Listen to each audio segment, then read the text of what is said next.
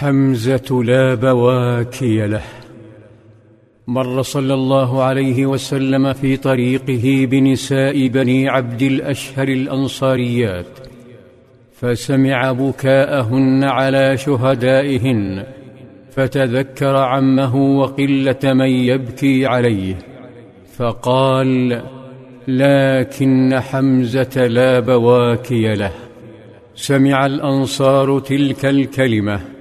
وتوجه صلى الله عليه وسلم إلى بيت فاطمة فدخل ودخل علي ومعه سيفه الذي كسر جرابه على أرض أحد.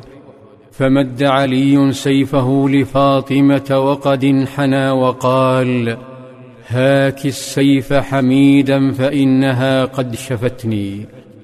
فقال صلى الله عليه وسلم مثمنا جهاد رفاقه لئن كنت أجدت الضرب بسيفك لقد أجاده سهل بن حنيف وأبو دجانة وعاصم بن ثابت الأقلح والحارث بن الصمة. وبعد مدة خرج صلى الله عليه وسلم إلى بيته ليستريح. وإذا بنساء الأنصار يتقاطرن من بيوتهن لينحن على حمزة بعد أن أخبروهن بوجد النبي عليه وأثناء بكائهن غفى صلى الله عليه وسلم ونام ثم صحى وقد أوحي إليه بحكم جديد يتعلق بالنياحة يتذكره الفتى بن عمر فيقول جئن نساء الأنصار فبكين على حمزة عنده صلى الله عليه وسلم ورقد فاستيقظ وهن يبكين فقال ويلهن إنهن لها هنا حتى الآن ويحهن من قلبن بعد مروهن فليرجعن ولا يبكين على هالك بعد اليوم. والبكاء المنهي عنه هنا هو النواح ورفع الصوت وتعديد صفات الميت.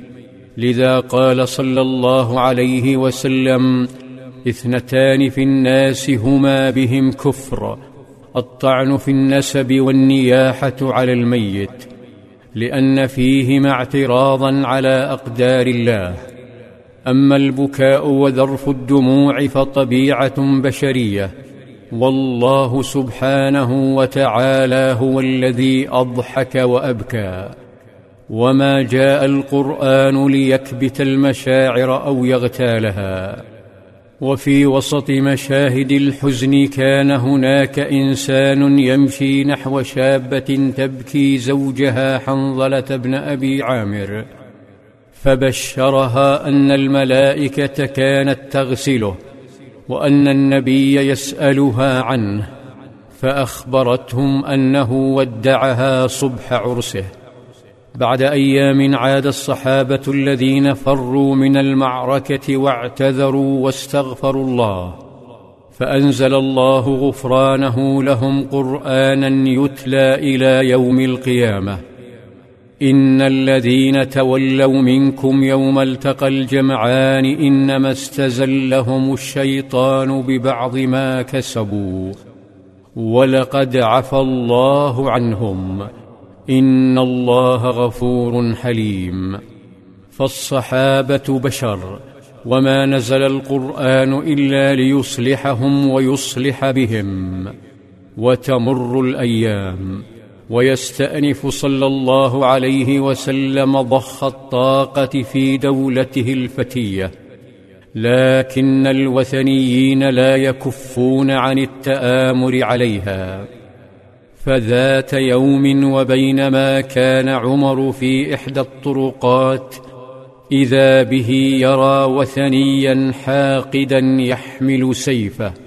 فقرأ في التفاتاته شرا وشيكا فهاله الأمر وشكل قوة حماية لنبيه صلى الله عليه وسلم.